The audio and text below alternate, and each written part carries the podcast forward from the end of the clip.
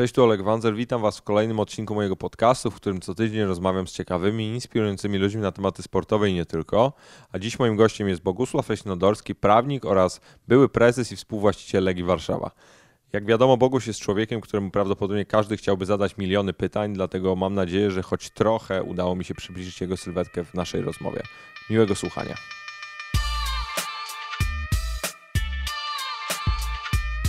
Cześć Boguś. Cześć. Dzięki wielkie, że poświęciłeś mi czas dzisiaj. Chcę Ci powiedzieć, jakby zanim w ogóle zaczniemy, że e, no, jestem mega szczęśliwy, że w końcu będziemy mieli okazję porozmawiać dłużej niż 6 minut, ponieważ to jest format, do którego byłem przyzwyczajony, jak jeszcze mieliśmy okazję razem pracować. E, a po drugie muszę Ci powiedzieć szczerze, że no, trochę się nie widzieliśmy, ale cieszę się, że jesteś w dobrej formie, bo naprawdę chyba zacząłeś dbać o siebie ostatnio. Trenować raczej. Nie wiadomo, czy to jest, wiesz, wyjdzie na zdrowie, ale tak. No 13 zawsze- kilo skórem. Ile? 13. Jezus Maria, to, ale to, to faktycznie było z Tobą źle. No jakby, nie wiem, czy koszulę miałeś większą coś takiego. No, ja wszystko jest względne. Większy miałem, tak. Wszystko jest względne, miałem większy. A pamiętam, że zawsze mi powtarzałeś jeszcze jak, jak byłem mały, że, e, że, że tak trenując jak ty trenujesz, to sobie można krzywdę zrobić, ale mimo wszystko jakoś nigdy nie odpuszczałeś, co? No tak, no ale teraz zobaczymy, co będzie. No właśnie, Chciałbym powiedz, coś jeszcze, wiesz, zrobić, powiedzmy, w sporcie, bardziej w przygodzie, nie w sporcie. Coś takiego fajnego, co zawsze chciałem i pewnie tam najbliższe lata to jest jakiś tam ostatni moment, więc się wziąłem za siebie. no właśnie, jakbyś mógł trochę powiedzieć, co, co teraz, no bo wszyscy wiedzą, co się, co się ostatnio działo, no ale, ale też jakby jakieś, jakieś sygnały wysyłasz, że już coś planujesz, więc jakbyś mógł trochę o tym opowiedzieć. No, przede wszystkim zajmuję się firmą swoją prawniczą, w której siedzimy. Tak, bardzo, I- bardzo dziękuję. Bardzo proszę. Fajnie, że wpadłeś. Ten. E, I, no i sportem. No, chciałbym trochę pospędzać czasu w górach, zrobić jakieś projekty górskie. I w najbliższym czasie pewnie będziemy więcej na ten temat mówić. Nie ma sensu e, dzisiaj jeszcze nim wszystko jest zaplanowane.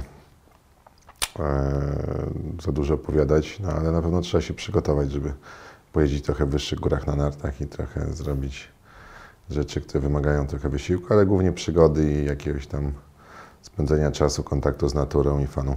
A jak w wysokich górach mówimy?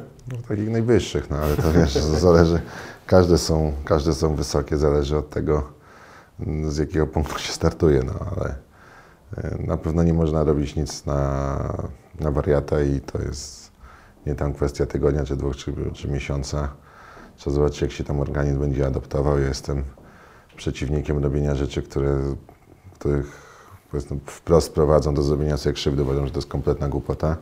Uważam, że wszystko jest dla ludzi, należy robić jak najwięcej fajnych rzeczy, ale jak najbardziej z głową i jak najbardziej ograniczać ryzyko, no więc tak też właśnie zamierzam. Czyli robić rzeczy, które nie wprost prowadzą do, do, No, do krzywdy. gdzie, gdzie po prostu to ryzyko jest stosunkowo najmniejsze. No jeśli nie umiesz jeździć samochodem, a we wsiądziesz, nie wiem, i będziesz jechał 150 na godzinę nawet przez małe miasteczka w Polsce, no to to jest bardzo ryzykowne i głupie, niezależnie od ograniczeń prędkości. Tak samo w górach, tak samo na morzu, tak samo na motorze, na wszystkim. No właśnie, bo, bo teraz tak jak opowiadasz, będziesz się skupiał na trochę innych sportach niż, pił, niż piłka nożna. Ja Ci powiem szczerze, no jak te, te już dobre parę lat temu usłyszałem, że będziesz prezesem Legii i że wchodzisz w tę, w tę piłkę, to, to byłem mega zdziwiony. Po pierwsze dlatego, że, że byłem piłkarzem, ale po drugie przede wszystkim dlatego, że Ludzie co mnie czeka. z jednej strony tak, a z drugiej strony, a z drugiej strony ja Ciebie zawsze kojarzyłem mimo wszystko z innymi sportami. No jesteś człowiekiem, który mi nauczył grać w koszykówkę i mimo wszystko zawsze opowiadałeś, że sport, że piłka nożna to jest dla, dla panienek, cytuję, więc jakby... No, ja nigdy nie byłem wielkim fanem piłki nożnej, ale zawsze byłem wielkim fanem Legii. W związku z tym, no, w momencie, w którym się decydowałem e, na powiedzmy zawodowe zaję- zajęcie się klubem, to tym głównym czynnikiem, który mnie do tego pchał, była Legia, a nie piłka nożna sama w sobie. Ale co nie, co nie zmienia postaci rzeczy, że e, piłka nożna jest sportem jak każdy innym. Może trochę więcej jest zamieszania wokół niej i więcej pieniędzy niż w wielu innych sportach, ale reguły gry i funkcjonowania są takie same jak wszędzie indziej. Jeśli chodzi o tą część sportową, bo oczywiście klub sportowy, a Legia już w ogóle to kompletnie zupełnie inne wyzwanie organizacyjnie, biznesowe i zupełnie inny, inny e, można powiedzieć inny projekt, choć nie lubię tego słowa. Niż Bo- jakikolwiek można sobie w biznesie czy, czy w czymkolwiek wyobrazić. Nie, to to na pewno, bo, bo jedno to, ale jedno to jest ta miłość do Legii, a drugie mi się też wydaje, że dość mocno ambicjonalnie wtedy podszedłeś do tego tematu, prawda? No, mierziło mnie bardzo to, że ciągle przegrywamy i to frajersko i, nic, i klub de facto stoi w miejscu. I uważałem, że, że ten klub zasługuje na to, żeby być gdzieś dużo dalej i, i ludzie, którzy inwestują swoje emocje, chcieliby czegoś innego i udało się. Dumny jesteś? No, bardzo. Nie, bo ja, ja Ci powiem szczerze, jak ja na, patrzę na te, na te parę lat, na ten okres e, Twój w Legii, to, no to już same sukcesy sportowe to jest jedno, ale też to ile rzeczy się pozmieniało takich no, nie- niewidocznych z, z, z pierwszego... Z pierwszego No to wiadomo, no, są ludzie, którzy widzieli tę organizację od środka, więc mają na pewno dość dobre, wyrobione zdanie. I kilkadziesiąt osób bardzo ciężko na to przez kilka lat pracowało, nic się samo nie robi. To były od bardzo drobnych rzeczy i ludzi, którzy nigdy nie, nie będą mieli okazji zostać, e, powiedzmy, rozpoznani, od takich, którzy nie wiem, czy w sporcie, czy w innych e, dziedzinach życia klubu funkcjonowali, więc można było powiedzieć, że byli też częścią jakiejś przestrzeni medialnej, którą Legia zajmowała. Bardzo ciężka praca wielu osób. Uważam, że bardzo dużo udało się zrobić i, i to powód do dumy.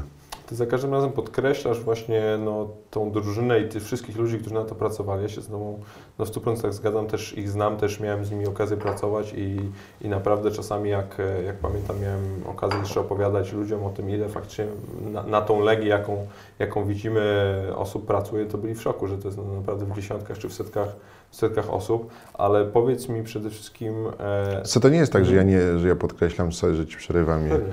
Czy nie podkreślam, ale jest tak, że ja zawsze byłem zwolennikiem tego. Uważam, że w sumie jest łatwiej. Płaci się za to często wysoką cenę, ale w sumie w życiu jest łatwiej, jak mówisz, jak jest, prawdę i to, co myślisz. No więc uważam, że po prostu mówienie o tym projekcie w pierwszej osobie mojej jest, jest nieprawdziwe i, i nawet tylko tyle. No więc i wiem po prostu, jak było i wiem, ile osób na to pracowało i uważam, że należy po prostu mówić, jak jest. No, To ogólnie jest kwintesencją mówienia, jak jest, co? No tak, płacę za to często cenę wysoką. No właśnie, bo ja mam takie wrażenie, że ludzie Cię mogą odbierać dwojako. No jedni, którzy Cię znają bliżej albo z- którzy z Tobą pracują, to bardzo Ciebie szanują, są wobec Ciebie strasznie lojalni i sobie bardzo Ciebie cenią. Z drugiej strony są też tacy, którzy no, uważają Ciebie bardzo często za no, e, osobę co najmniej odstrzeloną od rzeczywistości, czasem wręcz groteskową, więc jak Ty też na to patrzysz ze swojej perspektywy, jak Ty na siebie patrzysz. E, Dopóki nie byłem w Legii, to bardzo byłem zadowolony z tego, że może miałem powiedzmy.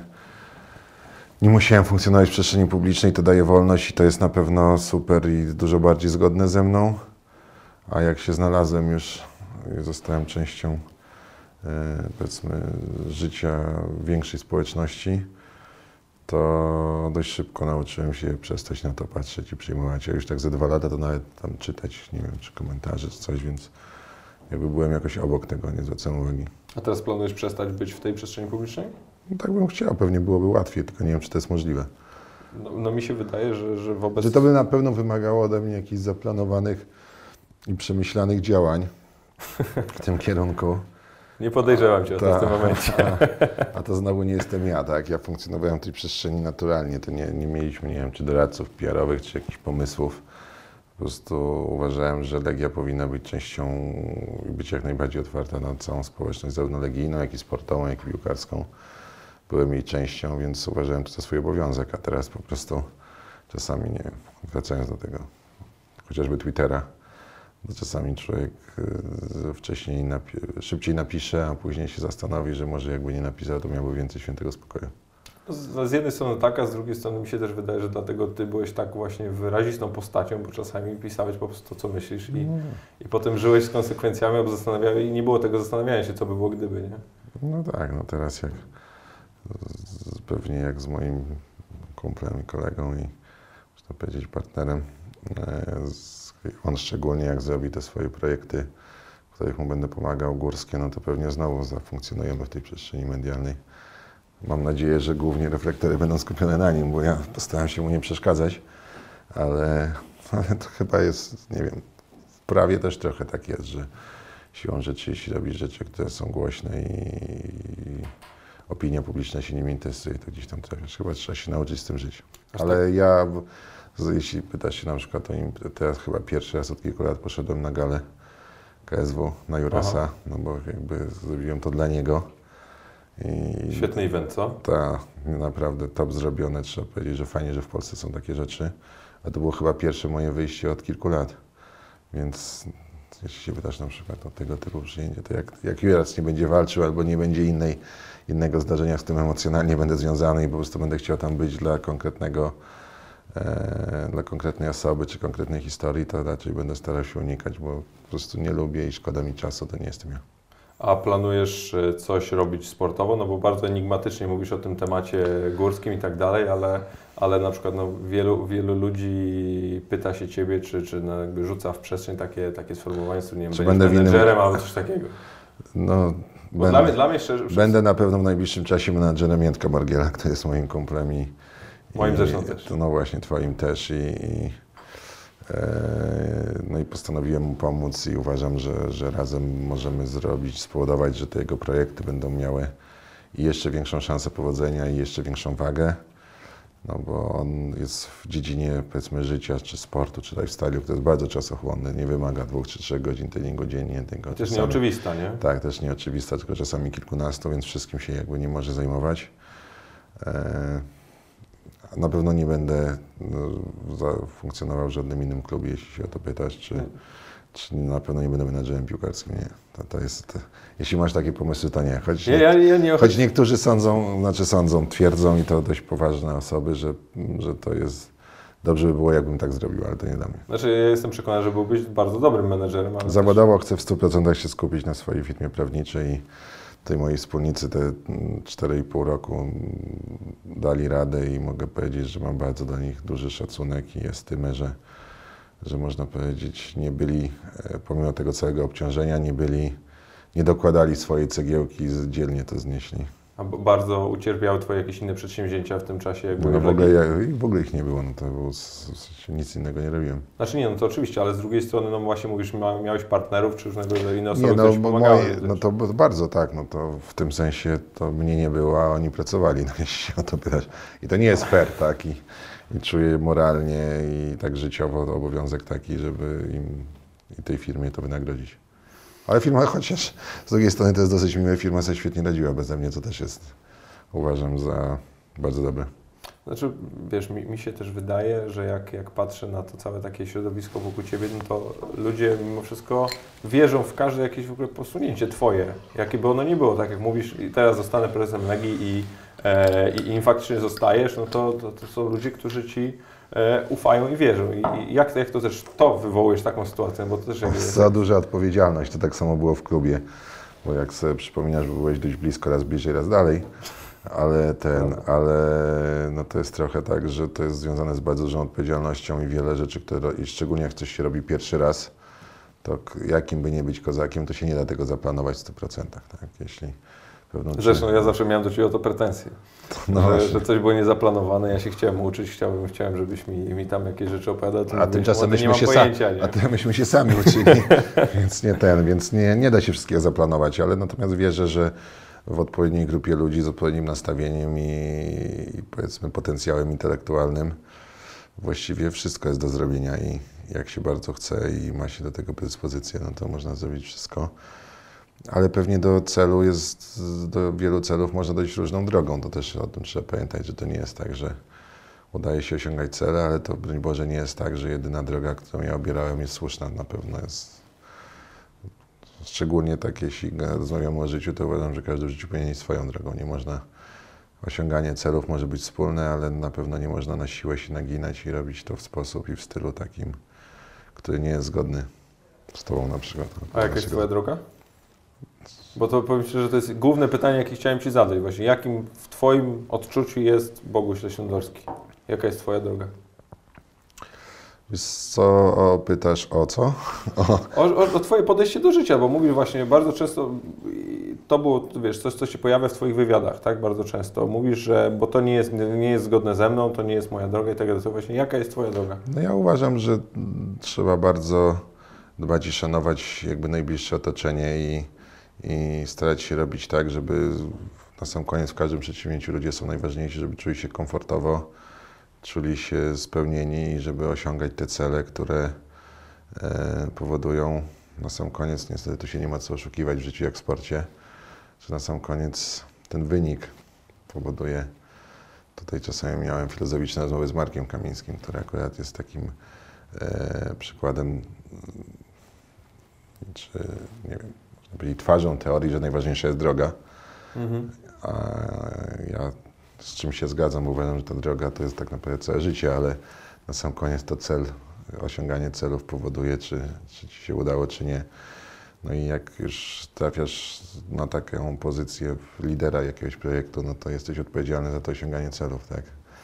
I, i, więc czy w Legii, czy teraz w życiu, czy, czy w kancelarii, no to gdzieś no, pomimo trzeba być sobą, ale gdzieś na koniec jestem odpowiedzialny, jeśli się pytasz, co jest głównym driverem, to to poczucie odpowiedzialności za osiągnięcie celu. I wobec organizacji, czy czasami to jest bardzo mała grupa ludzi, czasami wielka społeczność, jak tak ja, i, czy czasami klienci firmie prawniczej, tak, no to przychodzą do Ciebie i oczekują na sam koniec nie, żebyś się tam ładnie mówił i ładnie pisał, tylko żeby wygrywali procesy, czy robili transakcje, czy, czy wiedzieli na czym stoją, tak. I, Mhm. A właśnie, a, a jaki jest teraz y, Twój driver tak naprawdę, który Ciebie napędza, który jest tym Twoim celem? No bo w Legii to było oczywiste, były puchary, były Mistrzostwa Polski, były różnego rodzaju inne, e, inne cele też biznesowe, no a, a teraz oczywiście rozwój kancelarii, ale co dla Ciebie będzie takim driverem na co dzień? Te, te projekty... Każdy dzień, no rodzina, dzieci też, z którymi mogę spędzać trochę więcej czasu i je angażować. Akurat tutaj było tak, że, że jak już dzieci trochę dorosły, to przynajmniej w jakimś zakresie spędzaliśmy sporo czasu, bo tak czy jeździliśmy razem na mecze, czy Gaba grała w tenisa, Kajdek piłkę, no to jakoś udało się funkcjonować jakby razem. Teraz mm, już są w takim wieku, że można ich wciągać w życie i ten i, i każdego dnia pokazywać jakieś nowe rzeczy i co, ludzie chyba tak na koniec, jak widzisz, że można zrobić coś dobrego, no to chce się wstawać rano. A chcesz mieć sportowca w rodzinie, młodego? Wiesz co, w ogóle ja, to, to wiesz dobrze, że w przeciwieństwie do twojego ojca,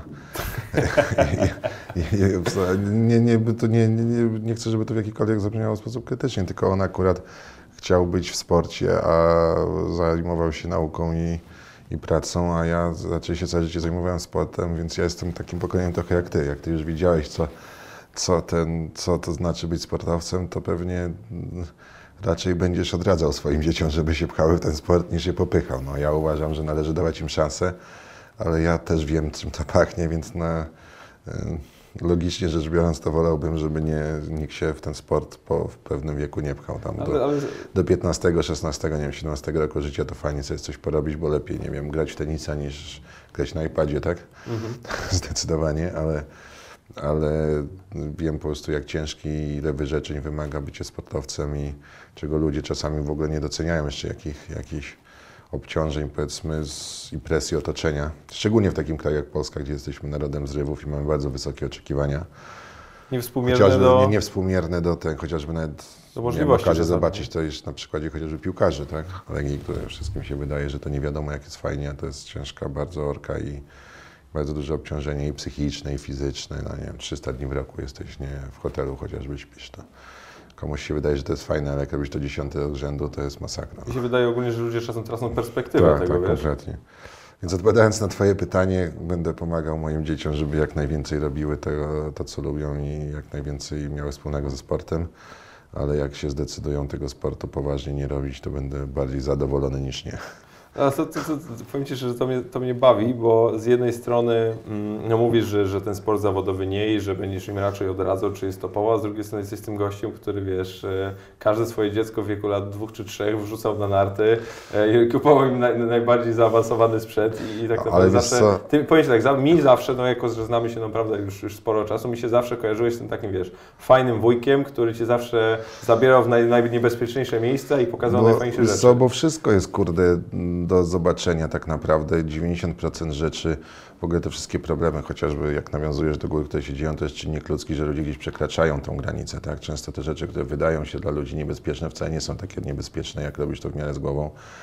I w miarę z głową, to jest kluczowe. No, no tak, no, tak, no nie wiem, przeczytasz sobie książki o polskich Himalajistach, no to niestety moje zdanie jest takie, że tam komuś odczepiło się coś od głowy w większości przypadków i to, co tam czytasz, to mi się w ogóle nie mieści w głowie. Facetowi, który jakby był blisko ryzyka i ten, to się w ogóle nie mieści w głowie, że można było tak funkcjonować, no.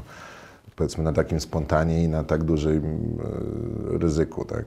A nie, a nie myślisz, że wtedy to jest jakiś ten taki pierwiastek, no quasi boski, który ci ludzie... Wiesz co, ja tego nie kumam. Ja, ja też nie, Ja, dla ja, mnie, dla mnie to jest głupota. Sorry, ja to uważam, że nie ma wprost. Mam duży szacunek do wszystkich, którzy gdzieś tam weszli, ale to, co w większości, w 90% przypadku oni robili, to jest jakiś szczyt głupoty. To jest moje zdanie, sorry, że tak powiem wprost. Nie, no, dla, I tym dlaczego? na przykład dla mnie się różni Jędrek, którego całe wszystko, co robi, jest ograniczeniem tego ryzyka. Bardzo ciężko trenuje, jest prawdziwym sportowcem i wszystko, co robi w tych górach, się sprowadza do ograniczenia ryzyka.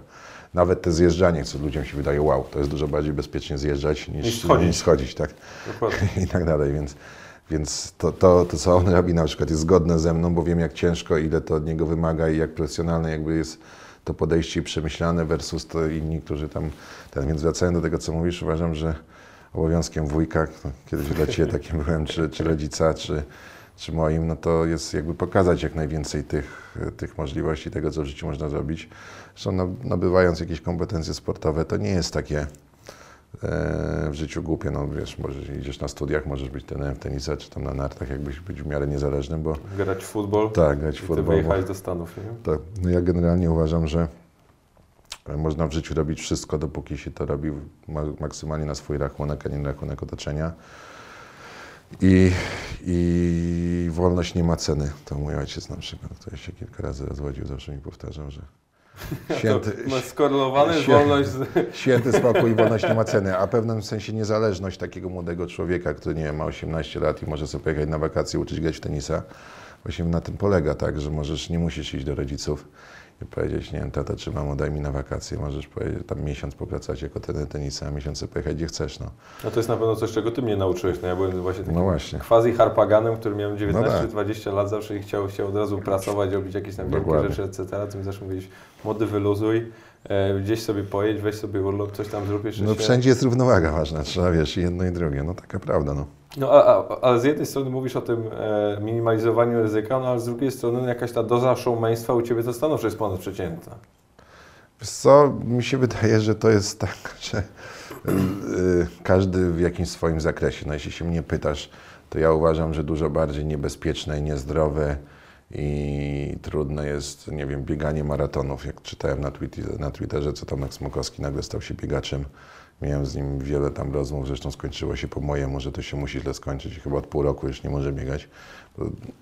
Organizm ludzki jest do czegoś tam przystosowany i gdzieś ma jakby swoje granice i w pewnym momencie jak się je przekracza, nawet biegając po asfalcie, co się wydaje super normalne, no to wiadomo, że jest to niezdrowe i, i, prowadzi do destrukcji. To obiektywnie wiadomo, to nie trzeba być jakimś... Nie masz myśl- testy empiryczne Tak, na to, że tak. jest określona w ogóle Tak, długość no biegu, jaki możesz Jak on ludzi namawiał i wrzucał na Twittera, że przebieg 20 parę kilometrów dziennie, no to ja od razu Ci mogę powiedzieć, że jest to głupie niezdrowe dla 95%. Są tacy, którzy się w tym odnajdą. Natomiast jak, Tylko, jak, jak ja nie no, jest no tak, jak ja, jak ja wrzucam nie? na Twittera, że wejdziesz na górę i nie wiem, blisko na turycy zjedziesz fajnie na nartach, to ja Ci mogę powiedzieć, że 80 czy 90% normalnych ludzi, jak się trochę przyłoży, jest w stanie to zrobić i wyjdzie im to na zdrowie. Więc jakby różnica polega na tym, że ja uważam, że należy robić, czy pokazywać, czy promować rzeczy, które są zdrowe, fajne, ciekawe, ale mm, do zrobienia dla każdego, jak, jak, jak trochę mm, się do tego przyłoży, versus, nie wiem, triatloniści 40-paroletni czy maratończycy, którzy na pewno jest to złe, no to każdy ci powie. No, parę miesięcy wcześniej wstali od dzisiaj, biurka, nie? tak, dzisiaj byłem, dzisiaj byłem w Sporcie, no to oni z tego żyją świetnie, bo, bo faceci koło 40 postanawiają zostać zawodowymi sportowcami, tak, więc ja bym nie był w stanie na przykład e, trenować, także wstawać rano i trenować dla treningu, tak, jeśli jest jakiś cel właśnie przygodowy, życiowy i ten poznawczy, uważam, że to jest fajne, jeśli robisz rzeczy, to co lubisz, nie wiem, grasz piłkę, jeździsz rowerem z ludźmi, których lubisz i jakby mm, gdzieś masz wrażenie, że zamiast się degradować fizycznie czy psychicznie, no to się rozwijasz pomimo jakiegoś wieku, no jest super. Ale gdzieś... A to niezależnie od wieku. Powiem Ci, że, że No w każdym, od tak, Ciebie tak. x lat młodszy, tak. a, a, mam to samo.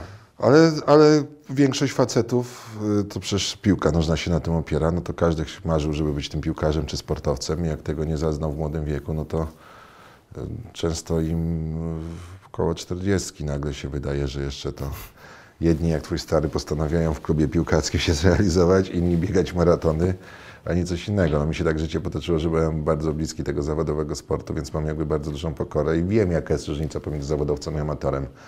I wiem, że mogę być... Twoim najlepszym przyjacielem jest, jest Tak, no, tak, więc mogę być, więc nie? tak, więc wiem, że mogę być bardzo dobrym amatorem, ale równie dobrze sobie zdaję sprawę, że nigdy nie będę nawet słabym zawodowcem, więc nie, nie, nie gonię tego tego króliczka, tak? Ale, ale z jednej strony, ale z, ale z drugiej strony, przepraszam, zawsze starałeś się być blisko tych zawodowców, bo wtedy wiedziałeś, No że to jest nie, fajny trening, tak, że to są tak, fajne tak, przeżycia, tak, że możesz tak, pojechać na olimpiadę i tak dalej. Tak, tak, no, na olimpiady jeździłem bardzo dużo. No właśnie, ja- w ogóle na, bo- na czterech, pięciu olimpiadach byłeś? No, no ostatnio, igrzyskach. chyba od Sydney to chyba na jednej tylko nie byłem w Pekinie.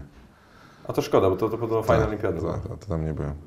Ale czemu? Raz dłużej, raz- jakoś tak się nie złożyło. Raz dłużej, raz krócej. Tam, nie wiem, chyba w Atenach to byłem dwa dni, w Londynie kilka, ale byłem też i dłużej. No. Teraz w Rio miałem okazję być przez tydzień prawie, chyba czyli super. a czemu cię tak naprawdę zawsze ciągnęło na, do tych igrzysk? Wiesz co, bo ja jestem jeszcze z tego pokolenia, że te igrzyska się kojarzą z takim prawdziwym sportem. I, I wiele tego jest oczywiście doping i wiele in, kasa powoduje, że jest sporo tych dyscyplin, gdzie gdzieś ten, ta idea igrzysk zanika. Ale znowu to, to dla mnie też ta walka Jurasa, można powiedzieć, przy, to był taki, nie wiem, Świetna historia w ogóle, tak, powiem, bo tak wielkim to- wrażeniem Ty, jak ja człowieka. zobaczyłem tego czarnego chłopaka, kto miał z nim walczyć, to myślałem, że go zabiję. Ja byłem tak przerażony, że ja w drugiej rundzie, pierwszy raz w ogóle to na żywo oglądałem, że w drugiej rundzie skowałem głowę, jak on na nim siedział, mówię, nie no, kurde, koniec.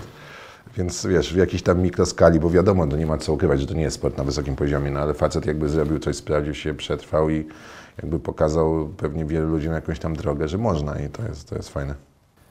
Okej, ale jedno to są, no to są jakby to, co faktycznie możesz podnieść się z kanapy i wrócić do, do jakiejś takiej no, sprawności, jak Juras, ponieważ no, na koniec dnia on był no, No nie, przede wszystkim w ogóle nie jest, tak? nie jest dobrze za długo siadać na tej kanapie. Najlepiej się w miarę tam utrzymywać Prawda. e, w jakimś tam kondycji, bo w ogóle długie siedzenie na kanapie jest niezdrowe jeszcze bardziej niż inne rzeczy.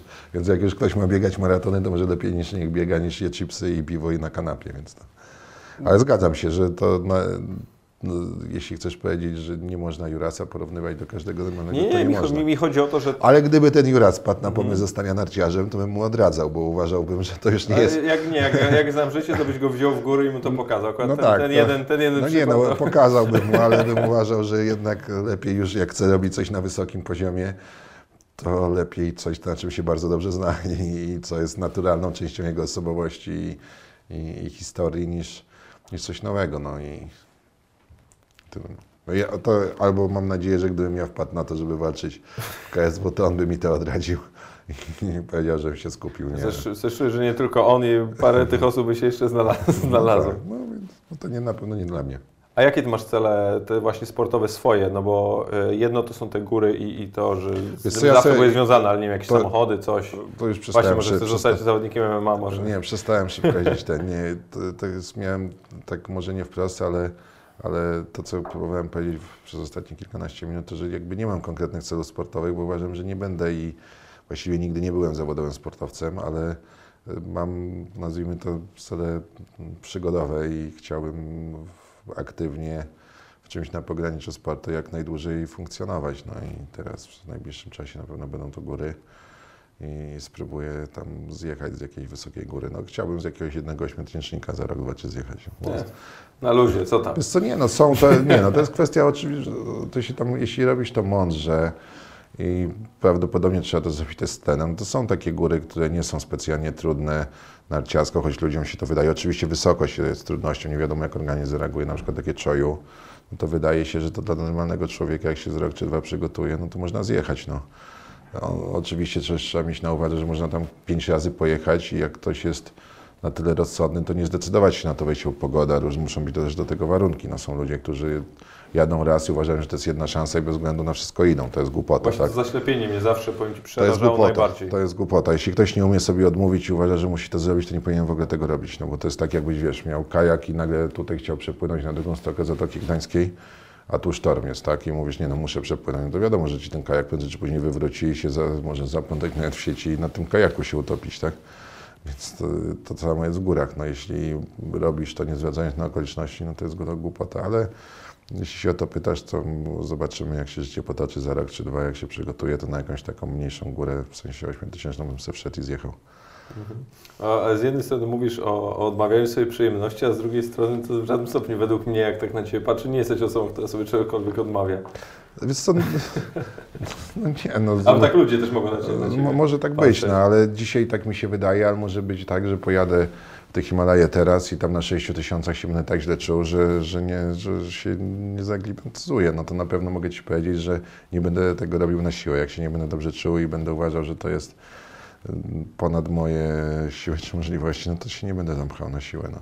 I na pewno nie będę próbował na, nie wiem, na 8 tysiącach robić w zimie jakichś trudnych zjazdów, bo uważam, że to nie jest dla ludzi i to nie jest nie, nie, mądre. Ale jedno to góra, mi bardziej chodzi o takie życiowe kwestie, no bo właśnie wiesz, jak ludzie na Ciebie patrzą, to, to widzą właśnie, wiesz, szybkie samochody, fajne mieszkanie, high living taki szeroko pojęty. I no jak, szczerze, powiedzmy, jak byłem młody i dużo zarabialiśmy, ciężko pracowaliśmy, no to powiedzmy... Stary nie jesteś też. Nie. Nikt się nie ten, e, nie, inaczej się patrzyło, ale jeśli o to się pytasz, to już od ładnych kilku lat, Alegia to na pewno bardzo dużo dobrego dla mnie zrobiła, że ten aspekt materialny, jak już masz mieszkanie i samochód, to są wszystko jedno. Już się szybkimi samochodami najeździłem. Nie, grze, nie grzeje mnie to, jeśli o to się pytasz.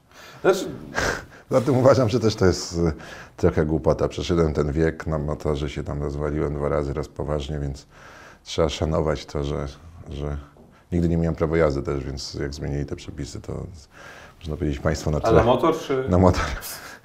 Co państwo naturalnie mi pomogło, więc sprzedałem motory, jeżdżę tylko na krosie czasami i uważam, trzeba to szanować i już mam to za sobą. A jaką masz taką najlepszą, jakby, jedną, dwie, nie wiem, pięć, czy, czy ile tam będziesz chciał powiedzieć, e, historii z tego czasu właśnie takiego, wiesz, o Jezus?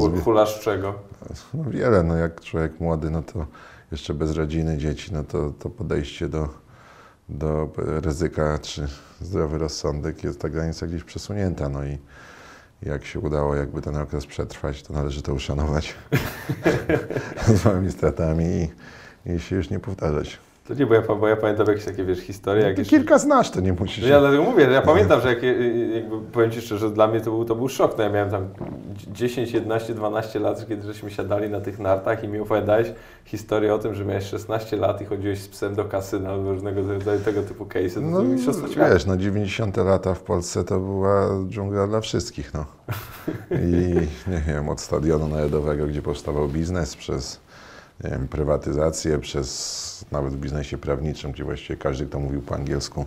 No właśnie, masz kancelarię 22, to byłeś w moim wieku. Tak. I, jak możesz mówić mi, że mam przystopować, mając 22 ale lata? To były inne czasy, no, to były kompletnie, dzisiaj jest to w ogóle niemożliwe, to były nie inne no, czasy.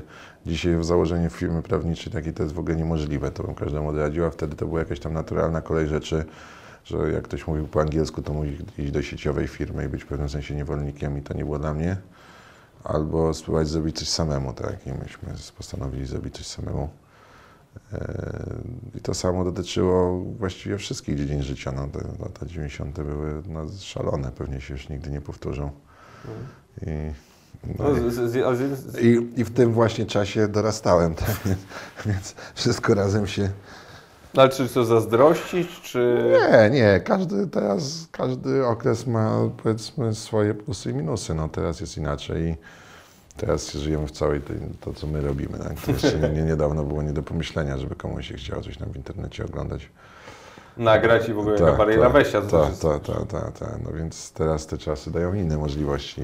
Nie, to, to, to, to I teraz jakby tacy gości jak ty mają szansę też coś zrobić fajnego, tylko inaczej. No. No właśnie powiem. No ale też tylu knajp nie było, no teraz pewnie życie też jest bardziej kuszące, sobie pójść do na lato, posiedzieć z dziewczyną, kiedyś to się tam nie, nie było za bardzo takiego, no to była scena i Zanzibar, ten, no Zanzibar, scena i to chyba wszystko. No. Pamiętam, jak mi właśnie opowiadałeś, że, że właściwie no jakby byłeś dumny z tego, że nie, nie opuściłeś ani, jednego, ani jednej imprezy no, w tej scenie. No tak? mieliśmy taki rok, gdzie, mieliśmy taki, nie, przez Jeżdżąc na nartach w Zakopanym co weekend. Tak, mieliśmy taki rok, że co piątek byliśmy w scenie i nawet w piątek po nartach, że się zjeżdżaliśmy z Kasprowego, jechaliśmy do sceny na imprezę, jeden nie pił i po imprezie wracaliśmy. Ale musiał być ciężko. No, jak człowiek się 20 parę lat szybko się regeneruje. a, to, a, Było tak. A jak, a jak wybieraliście tego jednego? Jakoś mieliście jakiś, nie wiem, kalendarz, który akurat ten weekend jedziesz? No, robiliśmy losowanie, ale trochę pomagaliśmy szczęściu. Masakra. E, a mówisz o, e, o biznesie jako właśnie o takim, takim też troszeczkę segmencie życia, w którym Ty wiele rzeczy próbowałeś i w których no, no były, wychowałeś się w, taki, w takim momencie, kiedy była też możliwość tego próbowania, ale ja mam też takie zawsze mm, wrażenie, jak na Ciebie patrzę i, i, i o, jak Ciebie słucham przede wszystkim, to, że no, Ty jesteś takim połączeniem trochę tego takiego, co Amerykanie mówią street smart, tak? czyli tego, że sam się wielu rzeczy uczyłeś i sam masz jakieś wyczucie, no versus no, masz wykształcenie wyższego menedżera na JESE i no, jakby też masz to zaplecze merytoryczne, tak mi się wydaje. No bo uważam, że czytanie książek i nauka nie boli, więc to generalnie nie każdy... Tylko co- czytanie głupich książek Tak, boli. czytanie głupich książek boli. No w ogóle jeśli wracamy do tych czasów, to chyba teraz największym wyzwaniem to jest złapanie równowagi pomiędzy social mediami, internetem, a nazwijmy to tradycyjnym sposobem przekazywania wiedzy jak książki, czy jakaś tam uporządkowana wiedza, nie, nie w takich mega wycinkach. To Bardzo akurat- ciężko jest się uczyć też w ogóle w takiej Akurat w na Jesę to, to, to akurat dość fajny przykład, bo ja trafiłem w ten, sposób, w ten sposób, że po kilku latach miałem takie poczucie, że głupieję trochę. Że, prze, że nie. To dobra że, że intelektualnie nie się przestałem challenge'ować naokoło intelektualnie. No i okazało się, że jest taka szkoła, gdzie ten, no i mega doświadczenie i to, to było tak e, chyba taki rok intelektualnie najciekawszy. W sensie bardzo dużo się nauczyłem, dużo ciekawych osób, ludzi, podejścia nauki i ten, więc uważam, że w żadnym wieku nauka nie boli i, warto coś robić, żeby trochę więcej wiedzieć niż mniej. I A, te, nie, a, teraz coś nie ograni- czytasz? No, no masę. Nie wiem.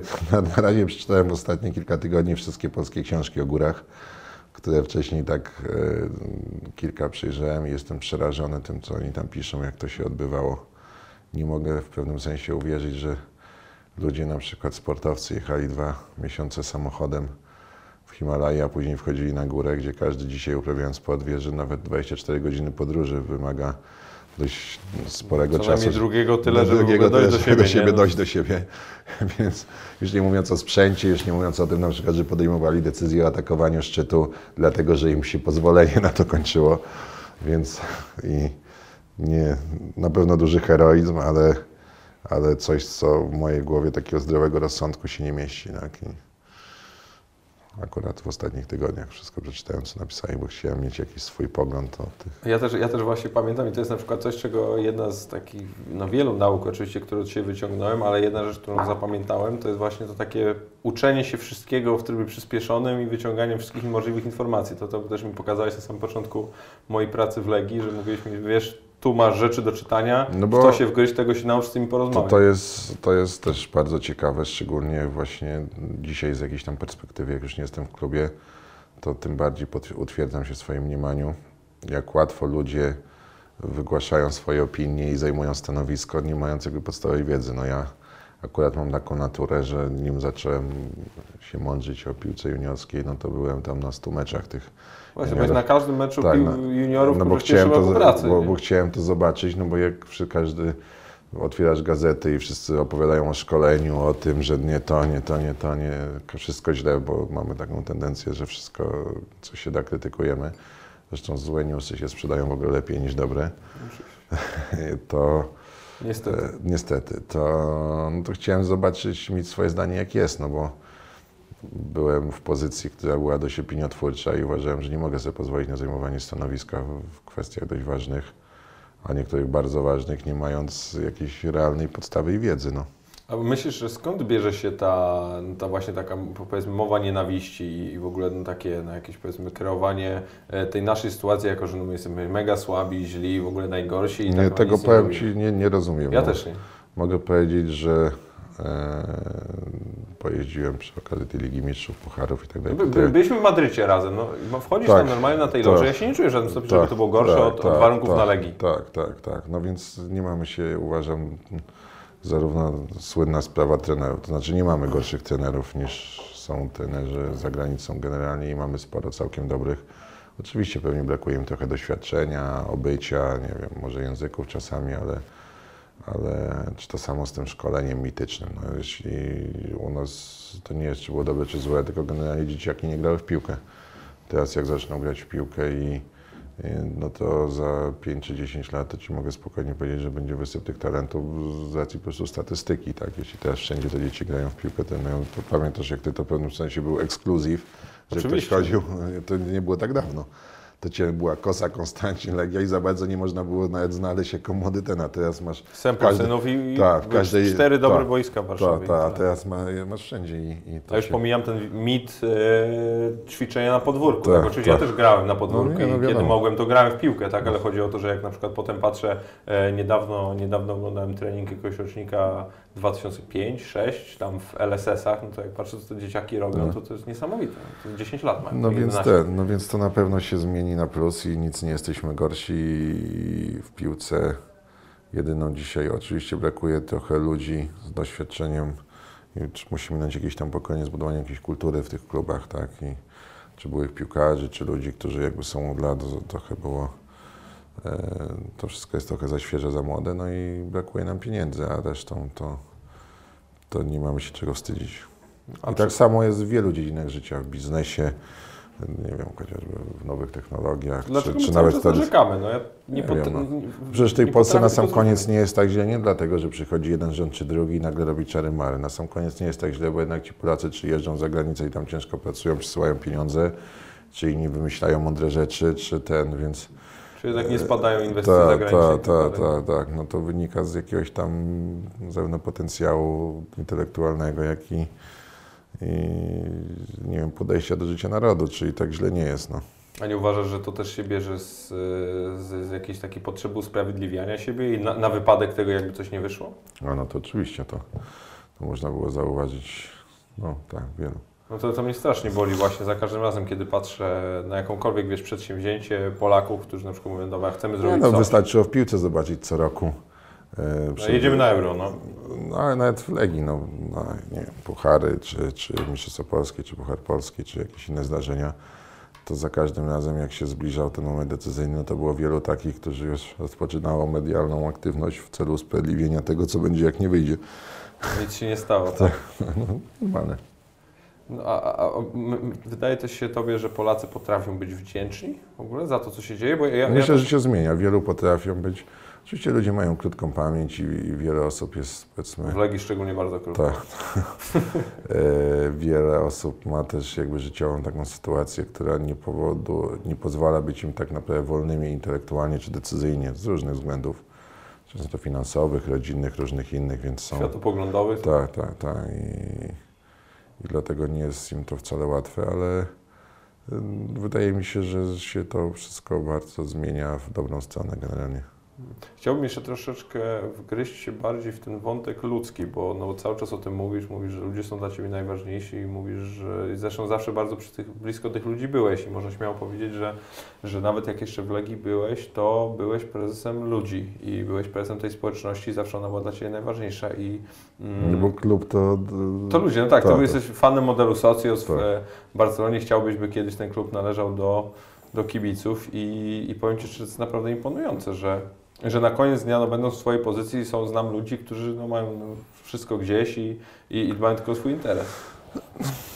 Róż, nie wiem, z czego to wynika i nie, ciężko powiedzieć, że ktoś jest lepszy czy gorszy. No, na, jeśli mówisz o tym aspekcie funkcjonowania, to y, tak naprawdę jedyne, co w tym jest, każdy niech sobie jakby robi, co uważa. Jedyne w tym, co jest ciężkie, to to, że jeśli tak czysto ideologicznie mm, wydaje się, nie wiem, tobie mi, że coś tam jest złe, czyli nazwijmy to taka nastawiona na siebie, na przykład egoistyczna postawa, no to niestety żyjemy w czasach, które, mm, czy społeczności, która często albo czasami e, promuje taką postawę, nazwijmy to ludzko, Samolubną. ta, ta, no i może dlatego, nie wiem, może kwestia zaufania, no wielu rzeczy, każdy jest sumą, nie wiem, wychowania w domu, swoich doświadczeń, genów, wielu rzeczy, co powoduje, że ma jakieś przemyślenia, ale rzeczywiście w, w biznesie, inna sprawa, że jak zwrócisz uwagę na ludzi, którzy osiągają na przykład sukces czysto w sporcie, nawet w piłce nożnej, no to wielu z nich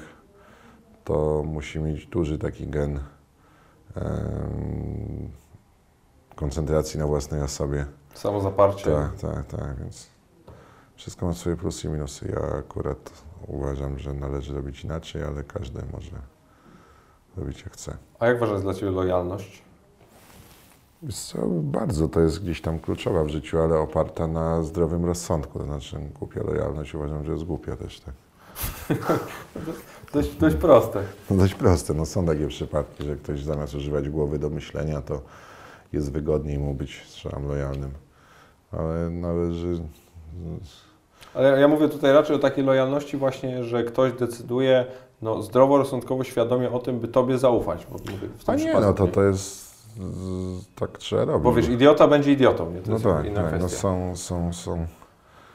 Nie wiem, czy myślimy w tej chwili o tym samym, no ale są ludzie, którzy, którzy całe życie mają problem, żeby komuś zaufać i całe życie w związku z tym są. W jakimś takim zawieszeniu. Tak, tak, i spędzają na myśleniu, czy ten, no szkoda chyba na to czasu, tak naprawdę. No, mi, mi, się też, mi się też wydaje, że straszne to jest tak ogólnie e, życiowo, że bo ty tak naprawdę nie jesteś w stanie w ogóle skupić się na jakichkolwiek rzeczach, czy wyzwaniach, czy celach, jakie masz do Tak. osiągnięcia, tylko się cały czas zastanawiasz, czy na pewno ktoś się Tak, nie, tak. nie wepchnie, nie wepchnie noża w plecy, a z drugiej strony według mnie potem sobie w ogóle szukasz takich ludzi, żeby móc podsycać te swoje... No ja miałem w życiu na pewno bardzo dużo szczęścia, to trzeba powiedzieć, i, i w przerażającej, z olbrzymiej większości trafiałem w życiu na osoby, z którymi te relacje były prawdziwe i ten, nawet jak było ciężko, to zawsze byliśmy wobec siebie uczciwi i się ten... No i do dziś masz tych samych partnerów. Tak, tak, tak, tak. Od, ale nie wiem, czy nawet w Legii w ostatnich latach, no to mogę powiedzieć, że zdecydowana większość osób to była bardzo jakby warta każdej minuty czasu czy wysiłku, który się poświęcało i to jest fajne. I to są też takie rzeczy, które zostają na całe życie, to nawet może zdarzają się przypadki, że kilka lat kogoś nie widzisz, z kim życie ci się w jakimś okresie łączyło, ale jednak właśnie ten element takiej prawdziwości powoduje, że nawet po kilku latach czujesz się bardzo blisko. Wsp- Wspominasz o szczęściu i, i powiedz mi, jaka jest tak naprawdę Twoja jakaś taka magiczna formuła na, na życie? Na ile w tym jest y, umiejętności, ile szczęścia, ile ciężkiej pracy i, i jakichś takich no, uwarunkowań? Bo mówisz właśnie też, no, choćby te lata 90. przysłowiowe. Bo to jest na pewno jakiś tam czynnik. Tak, czym można taką za, za, prawidłowość, czym częściej pracujesz, czym więcej się uczysz, tym masz więcej szczęścia, no w skrócie.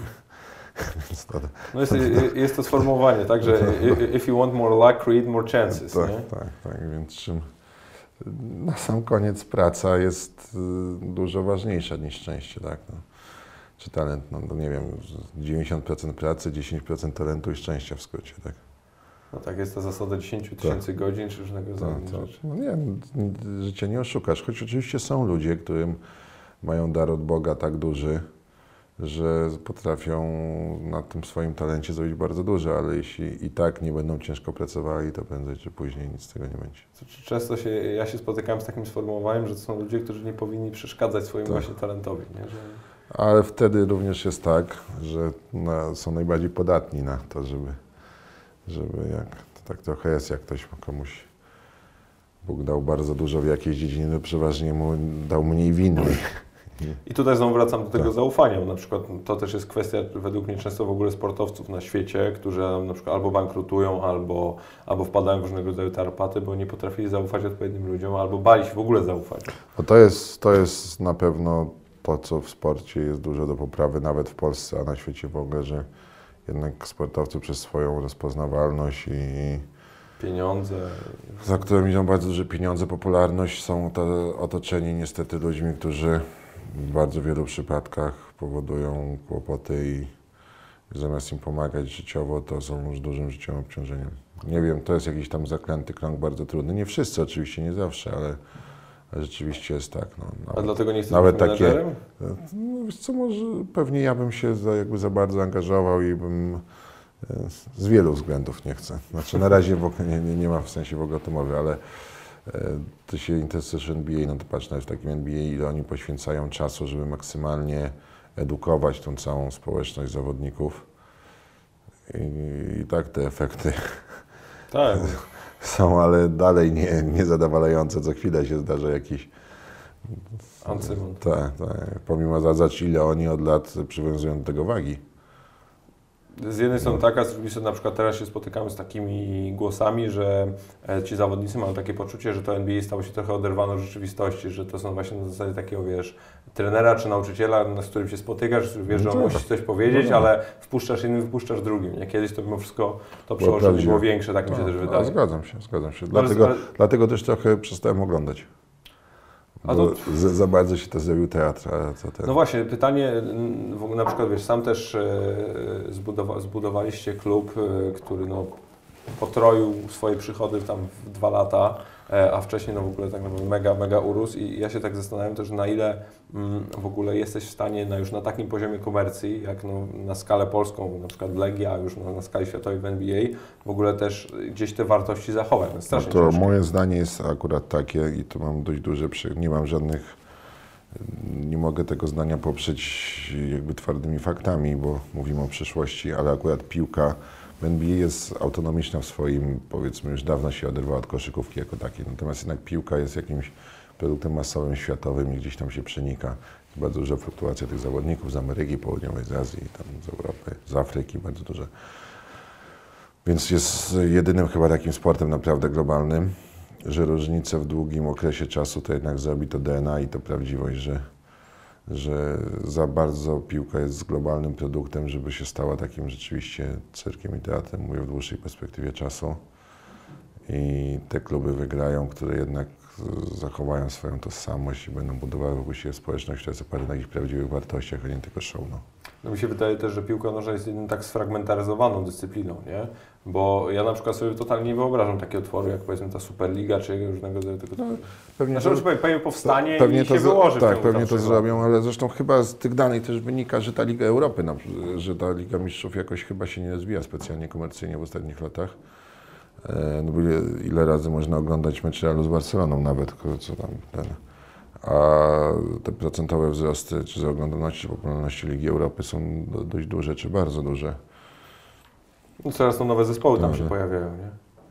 No, jest w ogóle według mnie bardzo złożona, złożona kwestia, Złożona. bo jedno to jest, no sam dobrze wiesz z biznesu, tak, jedno to jest cały czas rosnąć i szukać tych jakichś nowych ścieżek, a drugie to jest mimo wszystko w pewnym momencie powiedzieć sobie stop i, i, i no, zaznaczyć, że też coś jest ważniejsze, nie? Zresztą to jest, pamiętam e, jak, jak jeszcze, jeszcze pracowałem w legijnej koszykówce i mi właśnie o tym opowiadałeś, mówię, "Słuchaj, przychodzę do Ciebie zafrasowany i mówię, słuchaj, no przecież to się w żadnym stopniu biznesowo nie spina, jak to jest możliwe, że jak, jak to będzie funkcjonować, no bo to nie ma ani komercyjnej jakby możliwości i, i, i związek nie pomaga i liga jest taka, jaka jest. E, No ja ty mi wtedy mówiłeś, słuchaj, no trzeba dołożyć i, e, i tyle, bo to jest po prostu ważne dla ludzi, to jest jakiś projekt, który No tak, Trzeba to, to jest, jeśli ten wątek, e, to jest dobry przykład sytuacji takiej, że z góry można założyć, że sytuacja jest beznadziejna, jeśli chodzi o... komercyjnie, tak. Tak, no, no dobry przykład, bo, No nie, bo bo nawet ludzie powiedzmy dobrej wiary i bardzo duzi optymiści, jeśli mówimy o sporcie, gdzieś powinni mieć, e, chodzić twardo po ziemi, tak? Czyli można podejmować decyzje, nazwijmy to ryzykowne, czy mm, bazujące na dużej wierze w, w jakby w sukces, ale trzeba to robić świadomie i ma wiedzieć jakby jak to naprawdę wygląda. No i ta koszykówka dość dobrym przykładem jest, że, że coś, co jest ważne dla ludzi, może przyniesie efekt w innym miejscu, w innym czasie, jakby zupełnie inny, ale na pewno nie da się tego policzyć dzisiaj. Odnoszę takie wrażenie, jak, e, jak, jak opowiadasz o tym wszystkim, że to takie, mm, to taki jakiś, mm, czy, czy, czy twój wizerunek tego takiego ryzykanta i gościa, który e, no, robi różne szalone rzeczy, to jest taki na, na wyrost. No to wszędzie mówisz o minimalizowaniu ryzyka, o podejmowaniu oczywiście, decyzji że, jakichś ta, tam ale bardziej oczywiście, że tak przemyśleń. jest. No, w Bo jesteś, sensie- bo jesteś pokazywany jako właśnie ten, no bo, który bo- chory na głowę człowiek, który podejmuje jakieś takie dziwne decyzje często. No tak, no gdzieś efekty jakby to na sam koniec weryfikują, że, że się udaje. No szczęście można mieć raz, a nie ciągle. To, to jest y, jakby dość oczywiste. Wiesz co, nie wiem, no jeśli się... mm, Ja się, ja się czasami, wie- wiesz jak działają media, tak? Czasami komuś jest wygodniej, żeby tak było i dzisiaj jest wszyscy ludzie w mediach, ale i, i ci używający mediów do określonych celów, bo takich jest jeszcze więcej, y, jest prosty mechanizm tak zwanej klikalności i tam jak ktoś chce coś wymyśli, to, to jesteś to- bestią klikalną, to na pewno. to, to, to, to staje się to staje się to później jakąś tam. Łatwo jest stosunkowo wykreować rzeczywistość, która nie ma nic wspólnego z, z tym, jak jest naprawdę, a jest jakąś rzeczywistość medialną. A jeżeli właśnie chodzi o Ciebie, to ile jest tego kreowania wizerunku, a ile jesteś no, taki, jaki jesteś? Według Ja- Ciebie. ja Ja, mam na to swoją opinię, ale Ja nigdy nic nie kreowałem, w związku z tym, jeśli się pytasz, znowu wracając do Twojego pierwszego zdania, no to mam wrażenie i wiem, że tam w mediach kilka razy poszło to w jakimś kierunku no, jakby określonym i mm, żyję z tym i nie zamierzam jakby z tym walczyć, ale, ale często nie ma to nic wspólnego z rzeczywistością. Ja jestem, uważam, że może jakbym się w politykę zaangażował, to może bym zmienił zdanie, ale... Planujesz? Słuchaj mnie. Ale dopóki się nie zaangażuję w politykę, to na pewno będę przeciwny wszelkiego rodzaju działaniom, czy przemyślanym strategiom, czy funkcjonowaniu w jakimś trybie bycia zakładnikiem, bo tak naprawdę stajesz się zakładnikiem tego, co chcesz zrobić. To jest nie dla mnie na pewno, to jest chore. Choć też mam świadomość teraz, chociażby po rozmowach z Tobą, ile ludzi potrafi teraz młodych stać się jakimiś tam, nie wiem, blogerami, czy innymi trendsetterami, czy influencerami, nawet nie znam tych słów do końca.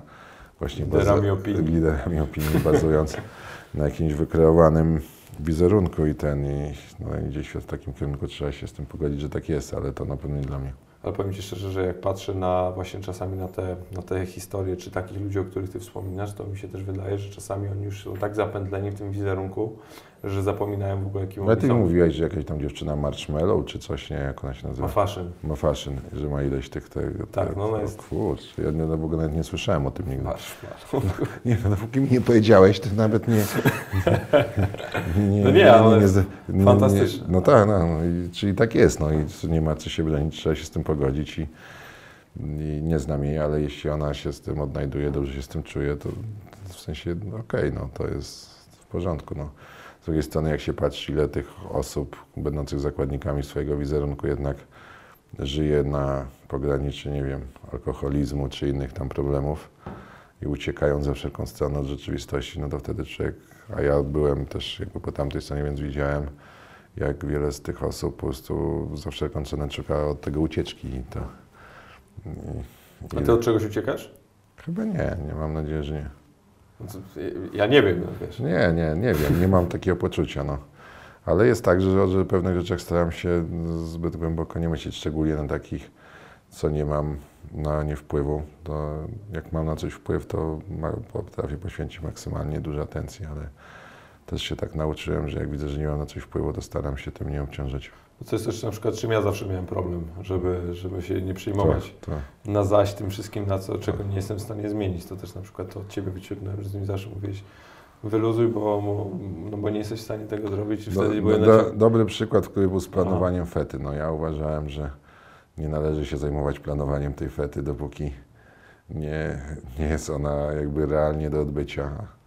A były osoby, które się denerwowały trzy miesiące wcześniej. No widzisz, no. No to, pozytywne zda- to są pozytywne zdarzenia, ale bardzo często są potencjalne jakieś negatywne scenariusze, które, które ludzi pętają i powodują, że oni przez długi okres czasu żyją w jakimś stanie I to nie tylko w pracy. tak, tak, tak. Związek, tak, rodzina, Tak, tak, napięcia i stresu i ten. I, a ja miałem dość dużo różnych też takich trudnych momentów i jakoś, chyba żeby nie zwariować, nauczyłem się chyba jakoś żyć obok.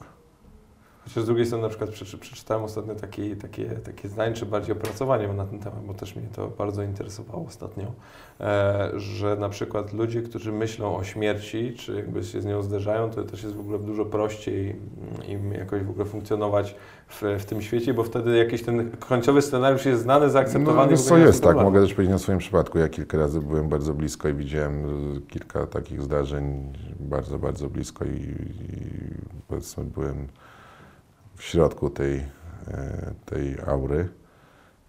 I tak jest, no, że to powoduje, że jak już przez to przyszedłeś, to masz bardziej filozoficznie zdystansowane. A to jest strasznie zdrowe, nie? To zresztą wydaje mi się, to sport No ale, no, wykształca no coś też, takiego. no ale to, to wymagało dużo czasu. To nie jest tak, że zawsze taki byłem, tak? I dzisiaj na przykład wiem to, że starsi ludzie kiedyś muszą umrzeć. I, i, a często to dotyczy również młodszych i pewnie na pewno dalej jest to dla mnie trudne, ale wielu, wiele rzeczy takich widziałem albo wiele było blisko i jakoś przeszedłem przez to. No jedno, ale jedno to jest bycie, coś, że coś jest trudne, a drugie to jest faktycznie no, zderzyć się z tym, zaakceptować No tak, i, tak, powiedzieć tak. sobie, no tak jest. Zawsze jest trudne, tylko bo to, to jest tak samo jak ze strachem, nie wiem, czy w górach, czy na morzu, czy gdziekolwiek.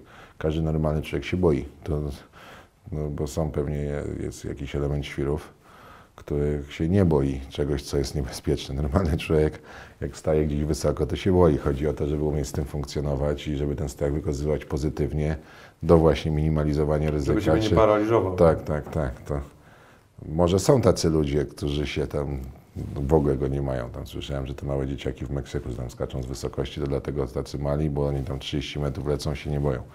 Ale chyba jak już ktoś jest dorosły, no to każdy, kto To nie jest jakaś choroba albo coś takiego? no nie, no każdy, no, defekt? nie, to- tak mi się wydaje, no więc ja jak wychodzę, nie wiem, chociażby tam z- Gildy Midi, nawet z tej kolejki, tam nie ma tych łańcuchów, trzeba przejść kawałek na tych, to jak patrzę w lewo i w prawo, ileś to zrobiłem już razy. To Jedna nawet- przepaść, druga przepaść. tak, na, nawet teraz za pierwszym razem, jak z Jędrkiem wychodziliśmy, to powiedziałem, nie, nie, kurwa, ja nie idę. I ten, a już to miałem, wiesz, ileś razy wcześniej to zrobiłem i dopiero jak się tam oswoiłem tyś z rzędu, to ten, a nie jest to ani niebezpieczne, ani jakiś specjalnie nie ten. No ja pamiętam, że parę miesięcy temu pierwszy raz z tobą wsiadłem na kłada, to to, to samo. Ja No mówię, tak. Boże gdzie on jedzie? Co się No, ro, rozpieprzymy, albo coś się z stanie. Przyjechałem sobie na weekend odpocząć, a tu wyjadę no widzisz, ale daj się radę. w karetce. No ale to jest też kolejny przykład. No, są ludzie, którzy wsiadają nie nakłada w klapkach i w baseballówce i później się zdziwią, że im coś się ten, no. To wszystko... A tak, to mega szacunek to- dla Ciebie. Właśnie, że mówiliśmy, kurczę, załóż sprzęt, załóż kask. Nie, no to oczywiście, że tak. Nie No, było to rozmowy ja takiej nigdy. pierwszy, y, na, najlepiej wsiadać trzeźwym i bardzo dobrze przygotowanym i wiedzieć, jak się ten sprzęt obsługuje i co on może, a co nie. No i wtedy to ryzyko jest bliskie zeru. A jeśli ktoś robi inaczej, no to... Ale pominąłeś To jest bardzo- tak jak pływanie bez kapoku. No ja tysiąc razy w życiu pływałem skuterem wszędzie, czy, czy nie wiem, czy łódkami, przecież mam patent kapitana i ten wiele i dalej uważam, że jakby mam nawyk, że zakładam kapok, tak? No bo jak to będzie ten tysiąc pierwszy, że akurat wpadnę i się puknę w głowę, no to, to byłoby głupotą utonąć. A są ludzie, którzy robili to dużo razy mniej i wydaje mi się, że są kozakami, bo płyną bez kapoku. No, głupota, no. A w tej, tej swojej charaktery, charakterystyce pominąłeś jeden bardzo ważny fakt, mianowicie to, że no, żeby znać ten sprzęt, żeby wiedzieć w jakich warunkach on się jak zachowuje, to wszystko trzeba na nim x razy wcześniej A, no tak. się przejechać. No nie, no nie, no to ze wszystkim, no to trzeba wszystko krok po kroku i ten i no i na pewno wstanie od biurka i nie wiem, skakanie ze spadochronu, czy nie wiem, pływanie, czy jeżdżenie na nartach, czy nawet bieganie maratonów jest obarczone dużą dozą ryzyka. A masz jakąś taką rzecz, którą, którą mega głupią, którą faktycznie zrobiłeś i jak dzisiaj na nią O. patrzysz, ale taką, nie, bo oczywiście, no x, tak? Nie, ale... no mam X, ale na pewno ci nie powiem, na pewno nie, na pewno nie do kamery, a może kiedyś jeszcze nadejdzie czas. Nie, no nie ma co się tym chwalić, no bo uważam, że o takich mega głupich rzeczach najlepiej po prostu jest zapomnieć i uszanować to, że, że się udało przez nie przejść, Przejść. i do tego nie wracać, a już na pewno nie, wracając do tej medialności, jeśli masz poczucie, że ktoś może to chcieć obejrzeć, o czym mówimy, to na pewno nie ma sensu co promować głupoty. Nie, nie, ja to raczej, raczej Uważam, pytam. że jest dobre promowanie fajnych rzeczy, które wydają się może nawet niebezpieczne, ale zrobionych mądrze, które nie są głupie, niż takie, które są ewidentnie głupie. Nie, to Bo je, oczywiście. jeszcze ktoś będzie chciał to powtórzyć i Ja raczej, ja raczej właśnie na zasadzie przestrogi chciałem się zapytać, żeby, żeby ktoś tego unikał. nie bo wiem, jak- no chociażby szybko jeździłem samochodem, no to jest też szczyt głupoty, no bo wiadomo, możesz być nie wiadomo jakim kozakiem, ktoś ci wyjdzie na ulicę i koniec, tak. I chociażby- cokolwiek, tak, inny idiot. tak. To już nie mówiąc motorem, no to jest w ogóle. No tak, no to, to w ogóle jakby powiem Ci szczerze, że to chyba się nie wiąże specjalnie z tym minimalizowaniem ryzyka, o którym No, tu no nie, no jadę na to, torze, ale, ale to jest... nie, no to ja już się jakby tego kompletnie odciąłem, no ale tak kiedyś, nie wiem, było standardem, że tam wszyscy jechaliśmy do Zakopanego i każdy się cieszył, kto szybciej dojechał. No tak, tak to wyglądało, no. Nie masz- było specjalnie radarów ani... A, ma, a masz w ogóle, sorry, że zmieniam temat, właśnie mi to wpadło do głowy. A masz jakieś takie, przepraszam, a masz jakieś wydarzenie sportowe, które chciałbyś zobaczyć? Które jakieś takie, no, na którym nie byłeś albo... Nie, chyba. Nie, chyba wszystko. A co? No nie wiem, ale jakieś, na przykład moim marzeniem jest e, wyścig Formuły 1 w Monte Carlo. Nigdy nie byłem. Mój ojciec był, ty też byłeś. No, no tak, to jest fajne. E, bardziej lifestyle'owo niż sportowo, bo tam ten... no, Ale można raz pojechać, drugi raz też byłoby pewnie nudne, ale e, chyba nie. Chyba wszystko widziałem. No to powiem Ci, tego zazdroszczę i No jeszcze masz przynajmniej 20 lat, to spoko. no, no, jakiś, jakiś, jakiś Tak. lewar mam, jakiś lewar mam. No dobra, słuchaj, Dzięki. naprawdę bardzo Ci dziękuję, że, że wpadłeś i udało nam się trochę pogadać i w takim razie trzymam Cię za słowo, że jeszcze będziemy mieli okazję już poza, poza nagraniem, żebym faktycznie te historii poopowiadał. Los. Dzięki.